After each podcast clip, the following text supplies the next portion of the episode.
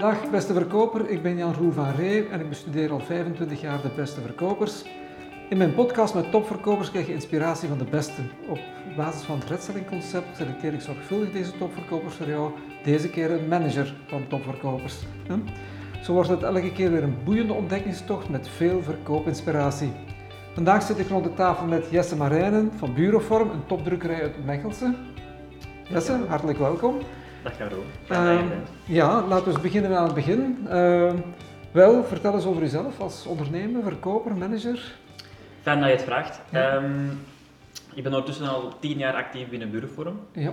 Ik uh, heb ook al het geluk gehad om alle facetten van het bedrijf hier mee te maken. Mm -hmm. um, van productie tot administratie, tot verkoop, tot manager. Ja. Um, dat geeft mij wel in, in, in staat uh, alle technische bagage hebben meegekregen te hebben om eigenlijk ook vanuit dat standpunt zaken te gaan uh, aanbieden. Ah, ja, ja. Ja, ik wil zeggen dat als je tegenover een klant zit, dat je exact weet waar alles over gaat en heel snel kunt... Zeker niet, ja, nee. zeker niet. Nee, nee, nee, nee. Ik heb ook het proces als uh, verkoper met uh, de harde hand geleerd. Ja. Door eigenlijk ook eerst mijn buikgevoel te volgen en doende ook omdat wij, um, ja, zal ik zeggen van Jesse, ga maar de baan op, verkoop maar, verkoop drukwerk. Ja. er was heel weinig omkadering rond in, in dat facet, waardoor ik ook heel vaak op bepaalde uh, ja, bergen liep, zal ik zeggen, waar ik heel rap terug naar beneden viel. Ja. Nu, dat is iets wat heel veel verkopers meemaken natuurlijk. Dat Ja. is, je loopt ergens tegenaan en in het begin is dat niet zo gemakkelijk. Maar wel essentieel is wat gezegd is, je volgt je buikgevoel. En Ja. dat is iets wat we merken bij heel veel goede verkopers, dat ze in de eerste plaats hun buikgevoel volgen. Ja. Dus, eh, Ja, inderdaad. Ehm, ik, ik, ik merk wel in het begin van mijn traject ehm, als verkoper ehm, dat ik heel veel uren moest maken met een geringe output. nou ja. Elke keer kwam ik, eh, van een gesprek, zal ik zeggen, terug en stel ik me de vraag van oei, dat is absoluut toch niet goed gelopen wat ik nu heb gedaan. Mhm. Er was ook toen een, een, een, ik zal het nooit vergeten, we hadden toen een mooie showcase map waar allemaal drukwerk in stak. Mhm. En ik dacht van ja, ik ga ons topdrukwerk Ja. meenemen naar de klant, laten tonen wat wij allemaal kunnen. En vooral zelf zeggen van hé, hey, dit zijn wij, dit kunnen wij en kijk eens wat wij allemaal kunnen. Mhm. Wat je eigenlijk merkt is, along the way, Ja. ehm, is dat je eigenlijk een soort, ja, dat je je producten begint op te dringen en eigenlijk niet luistert naar wat heeft mijn klant nu eigenlijk nodig. Ja. Wat is nu eigenlijk hetgeen waarvoor de, de klant mij uitnodigt en wat is nu eigenlijk hetgeen wat de klant bij mij zou willen kopen? Of eigenlijk nog het beste, wat wil de klant nu eigenlijk? Eigenlijk, eh, nu is het interview eigenlijk al waardevol geweest. We kunnen hier al afronden eigenlijk, want dat is de essentie waar het over gaat. Hè. De veel verkopers willen nog altijd met hun mooie product uitpakken. En je hebt een mooi product, hè. En dat Ja. slaat aan, maar het is niet omdat je erover praat, dat die klant er dan ook wil instappen. Zeker niet. Ja. Ehm, en wat ik eigenlijk daaruit verder geleerd heb en wat wij nu eigenlijk allemaal met ons salesteam ook in praktijk brengen, is dat ehm, ik merk bij heel veel eh, verkopers die hier, hier starten en ehm, van, vanuit het. Ja. Kijk, ik vind verkopen persoonlijk één is een beetje een gevoel van Mhm. wie ben ik zelf, Ja. hè? en anderzijds gebaseerd op een paar theoretische modellen. Ehm, ik, heb, ik, ik, ik heb geleerd dat je eigenlijk, eh, hetzelfde met die showcase map, Mhm. die map je zal je vandaag nooit meer bij mij terugvinden. Ja. Vandaag ga ik met een naamkaartje naar een klant Mhm. die mijn gegevens heeft. En laat ons eerst eens praten over wie Ja. heb ik voor mij. Los van dat je natuurlijk eerst in fase wel een bepaalde voorbereiding kunt doen. Ja. Maar luister eens naar die noden van die klant Ja. en kom daarna met een gepersonaliseerde showcase map, bij wijze van spreken. Eh, wat wel interessant is, je zegt twee dingen. Wie heb ik voor mij, dat is de persoon. Ja. En anderzijds, wat heeft hij nodig? Ja. En je hebt dat ook in die volgorde gezegd, misschien bewust of onbewust, maar dat is waar het in verkopen blijkbaar toch over gaat. Wie heb ik voor mij in de eerste plaats? En dan pas, wat wil die klant hebben? En dat is, eh, Ik denk een mooi voorbeeld van, Mhm. van afgelopen week is dat ik met, een, met mijn collega-verkoper Mhm. naar een redelijk grote account ging. Ehm, in de eerste fase ga ik nog altijd mee ter ondersteuning. En in de, in de autorit daar naartoe, dan vroeg ik van, wie hebben we eigenlijk voor ons? Ah, dat weet ik niet. Zeg, ja maar, in deze moderne tijdperk, hoe kan je nu niet weten wie je voor je hebt? Is dat een, een dame die, eh, welke opleiding heeft die gevolgd? Eh, hoe, hoe, hoe, hoe lang is hij al bij het bedrijf? Waar is hij haar geschiedenis uit? Dat zijn allemaal eigenlijk vragen die meer eigenlijk om de persoon in kwestie draaien dan om hetgeen wat je, wat je eigenlijk wilt gaan verkopen in fase 1. Ik, ik, ik, heb een beetje geleerd afgelopen tijd, eh, door verschillende facetten, dat verkopen, het woord op zichzelf heeft niet altijd de, de charme mee dat het zou moeten zijn, vind ik persoonlijk. Het is ook al het oudste product dat al te- tot, tot nu toe uh, bestaat, verkopen. Ehm, dus dat gaat ook iets, dat, dat gaat ook om mensen, dat gaat ook om een relatie. En alles wat je aandacht geeft, groeit. Ja. ja, En het principe wat ik daaruit meeneem, is dat als je je klanten de nodige aandacht geeft, Mhm. ja, Ja. dan groeit er iets. Ja. En we kiezen dan voor een lange termijn relatie. Mhm. En sommige verkopers willen echt schieten op die one-shots. Ja, ik denk dat je hier een paar dingen tegelijk zegt. In de eerste plaats, als je je klant niet kent en je hebt zoveel middelen, je moet maar op LinkedIn gaan kijken en je weet wie die persoon is. Ja. En veel verkopers, die zien wel even wie is die persoon, ken ik die zijn gezicht. In plaats van daarin verder zo- gaan ze zoeken in wat doet dat bedrijf allemaal. En ze Ja. focussen te veel op het bedrijf, niet meer op de persoon. En anderzijds, ja, eh, we zitten in een digitaal tijdperk. Hè. Je kunt overal bij, je kunt alles Ja. op elk moment voor elkaar krijgen. Als iemand weet van heeft hij gestudeerd, waar komt hij vandaan. Dat is anders. En die one-shot, hè. eh, ja, je hebt enerzijds verkopers die voor de one-shot gaan. En je hebt dan helemaal aan de andere kant die te voorzichtig zijn en helemaal niks krijgen. Ja. En je moet er eigenlijk zo precies dat, die gulden middenweg weten te vinden van toch die een deal rond te krijgen, die eerste deal, Ja. en dan die lange termijn relatie Ja. voor elkaar te krijgen. Dus, eh, Ik denk, mijn mooiste voorbeeld ehm, is gebaseerd op toen in eh, de tijd dat ik gewoon puur sales deed. Ja. En eh, ik was al, denk ik, een acht maanden aan het werken op een account. acht maanden. Acht maanden. Oh, Acht maanden. Oké. En, maar omdat je ook gewoon voelt van, geef niet op. Ja. Consistent zijn, Mhm. niet opgeven en blijven doorgaan. Ik denk dat ook op dat vlak. Om direct terug te komen op eh, mijn verhaal opnieuw, Mhm. is dat ik ook heel veel zie dat de ontmoediging rap in eh, de schoenen kruipt, waardoor het gevoel gegeven wordt, of ze zelf aan hun eigen, van ik moet hier met een lode blok verder gaan naar die klant. Ja. Terwijl de meeste verkopen worden gemaakt na de achtste contact. Ja, er zijn nog mensen die dat zeggen. Het duurt zes tot acht contacten in een zakelijke verkoop. Ja. Eh, tenminste, als je jouw type producten verkoopt. Dat is, Er zijn eh, ook mensen die zeepen verkopen. Ja, die moeten van de eerste keer binnenkomen en tien minuten later een bestelbon voor Ja. zeep hebben. Maar zo werkt dat niet voor u. Voilà, inderdaad. Ik denk dat Ja. natuurlijk altijd, ik praat nu uit mijn persoonlijke, eh, persoonlijke sector, hoe dat Ja. wij dingen aanvoelen. Ja. Ehm, zoals ik net zei, ik heb ook acht maanden op een account gewerkt, gewerkt Ja. ehm, waardoor wij ook perfect gewoon van, ja kijk, vraag prijs. hè. En we gaan gaan voor die eh, prijs, terwijl wij altijd zeggen van, kijk, Ja. wij, zullen nooit, wij zijn ook niet de goedkoopste. Iets wat je... Allee, ik zeg altijd tegen mensen, als je de goedkoopste bent en er is iemand die goedkoper wordt, dan ben je al je zaken kwijt. One shot. Dan heb je een one-shot gehad. En anderzijds... Maar het is toch niet zo gemakkelijk altijd om die, die hogere prijs te, te verdedigen. Nee, zeker vast niet. Ik denk dat we daar ook heel veel voorbeelden van hebben eh, gehad waar wij ook uit geleerd hebben. Ja. Ehm, wij merken vandaag in ons type product en in onze sector ehm, en in ons type bedrijf, want dat is het belangrijkste, onze Ja. cultuur, Ja. zetten wij heel hard in op de relatie met de mens. Mhm. De relatie met onze Ja. toekomstige klant, potentiële klant, potentiële lead. En dat is een heel, grote, heel diepe investering ook, want ja. je kan dat ook niet bij iedereen gaan doen. En je hebt inderdaad op welk potje past welk deksel. Ja. We moeten ook durven nee zeggen.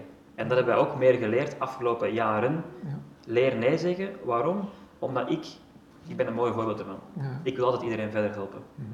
Ja. Maar dat creëert ook dat je klanten soms verder helpt, Ja. die de anderen veel beter kunnen verder helpen voor een veel betere kwaliteit en voor met een veel betere service enzovoort.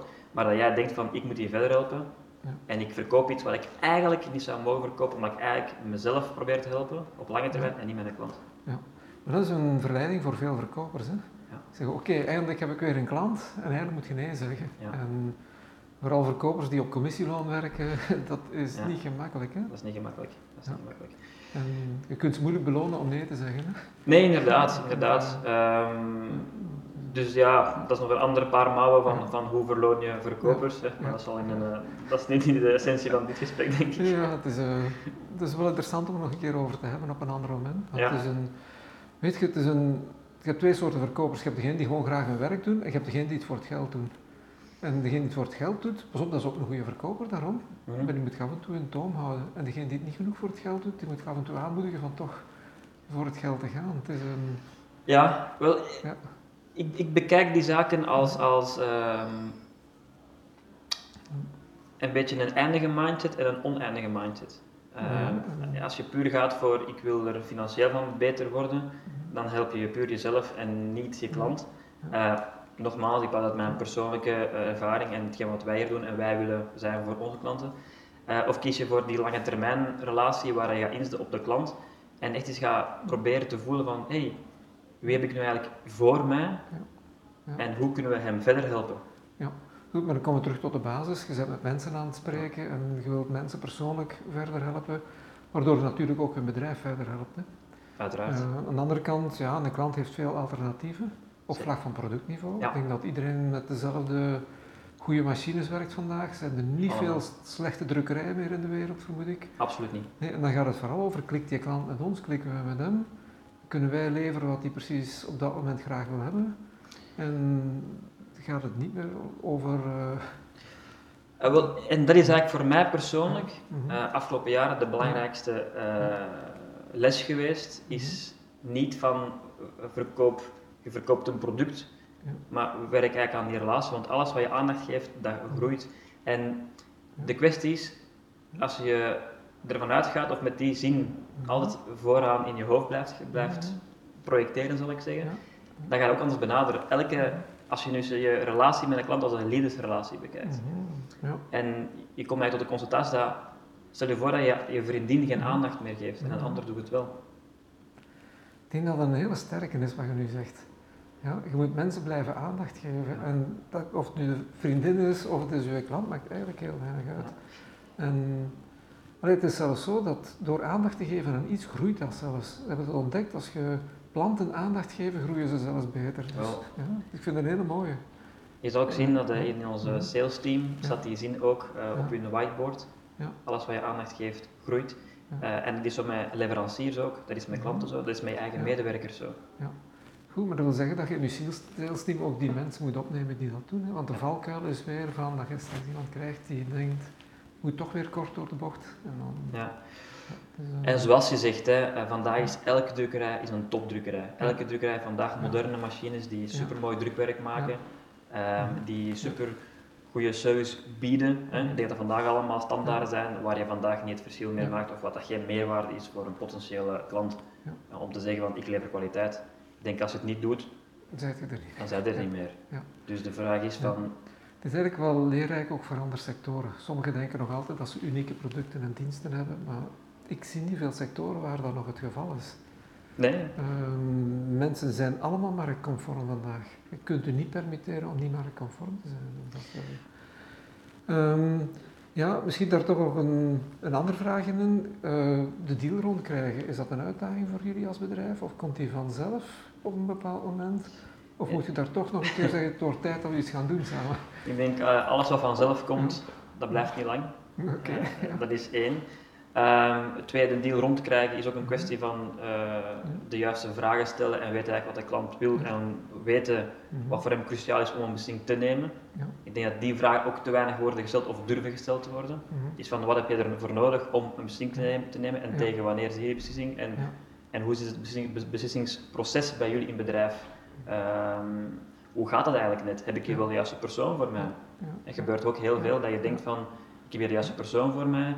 ik uh, weet wat ik aan het doen ben. En uiteindelijk besef je eigenlijk dat er op drie niveaus hoger wordt beslist, waardoor je eigenlijk heel dat traject anders kon inschatten. Ja, ja dat is uh, een van de dingen die mensen vergeten. Ik moet de kwaliteit inschatten van mijn contact, de kwaliteit van het beslissingsproces bij die klant. Uh, en als je er ene mist, dat loopt valikant af. Hè. Ik heb vorige week, was op televisie iemand en die gaat naar een groot project en hij wil indruk maken op de beslissingnemer en hij komt met de helikopter toe. Maar blijkt dat het, dat het niet de beslissingnemer was, maar een andere. Ze hebben dus indruk gemaakt op de verkeerde. Ah, dat is een, dat is een... Al dat geld verloren. Ja. Alhoewel het niet eens een goed plan is volgens mij om met een helikopter te landen ja. bij een klant. Maar... Afhankelijk van welk doel, doelpubliek. Ja. Uh... Ja. Maar dat is gewoon één kleine vergissing. Je hebt heel veel tijd geïnvesteerd, geld en middelen geïnvesteerd voor niks. En als dat beslissingsproces, als je weet, ik moet daar niet instappen, want dat loopt niet goed, want dat beslissingsproces eindigt bij de laagste prijs, ja, ja dan moet ik weggaan. Hè. En dan moet ik niet al mijn tijd erin steken. En, ja. Maar ja, veel verkopers doen, stellen die vragen net niet, omdat ze het, zoals ze zelf zegt, niet durven. Hè. En op een bepaald moment moet je ook die deal vragen. En die, die vraag die je er juist stelt van, uh, was er nodig om te kunnen beslissen? als iedereen die vraag nu een keer elke dag tien keer stelde, hè, dan had het tenminste een heel andere wereld en dan ging dat sneller vooruit. Dan gaat alles veel sneller vooruit en dan heb je ook natuurlijk als, als verkoper een veel duidelijker zicht. In, zit er nog toekomstig potentieel in en Ja. we gaan hier kunnen verder gaan, ja of nee. Ja. Ik zie heel veel eh, verkopers die in hun eh, Mhm. verkoopsactiviteiten zitten bij een klant. Ja. Eh, het was een super gesprek en we hebben gepraat over alles. Allee, vooral de verkoper heeft dan gesproken over hoe, hoe het bedrijf is en wat je wilt. En uiteindelijk heeft hij mij eigenlijk geen, geen, geen profiel kunnen schetsen van het bedrijf of van, eh, van de persoon voor hem. En dan weet ik eigenlijk waar dat gaat eindigen. Ja. Meestal. En dat is een belangrijke les voor die verkoper als hij dat leert en ik kan die weer verder met op een andere manier te Ja, werken. zeker en vast. Maar ik ken inderdaad verkopers die al twintig jaar alleen maar praten. Hè. Eh, en dan is mijn vraag, oké, waar kom je uit? En er is een Amerikaanse eh, sales expert die zegt op het moment dat je begint over je product Ja. of over je bedrijf, begin je de klant te verliezen. Omdat Kijk. hij aandacht moet geven in plaats van dat hem aandacht krijgt. En dan komen we terug tot uw basisprincipe. Hè. Ik vind altijd het, het, het, het een heel mooi voorbeeld ook.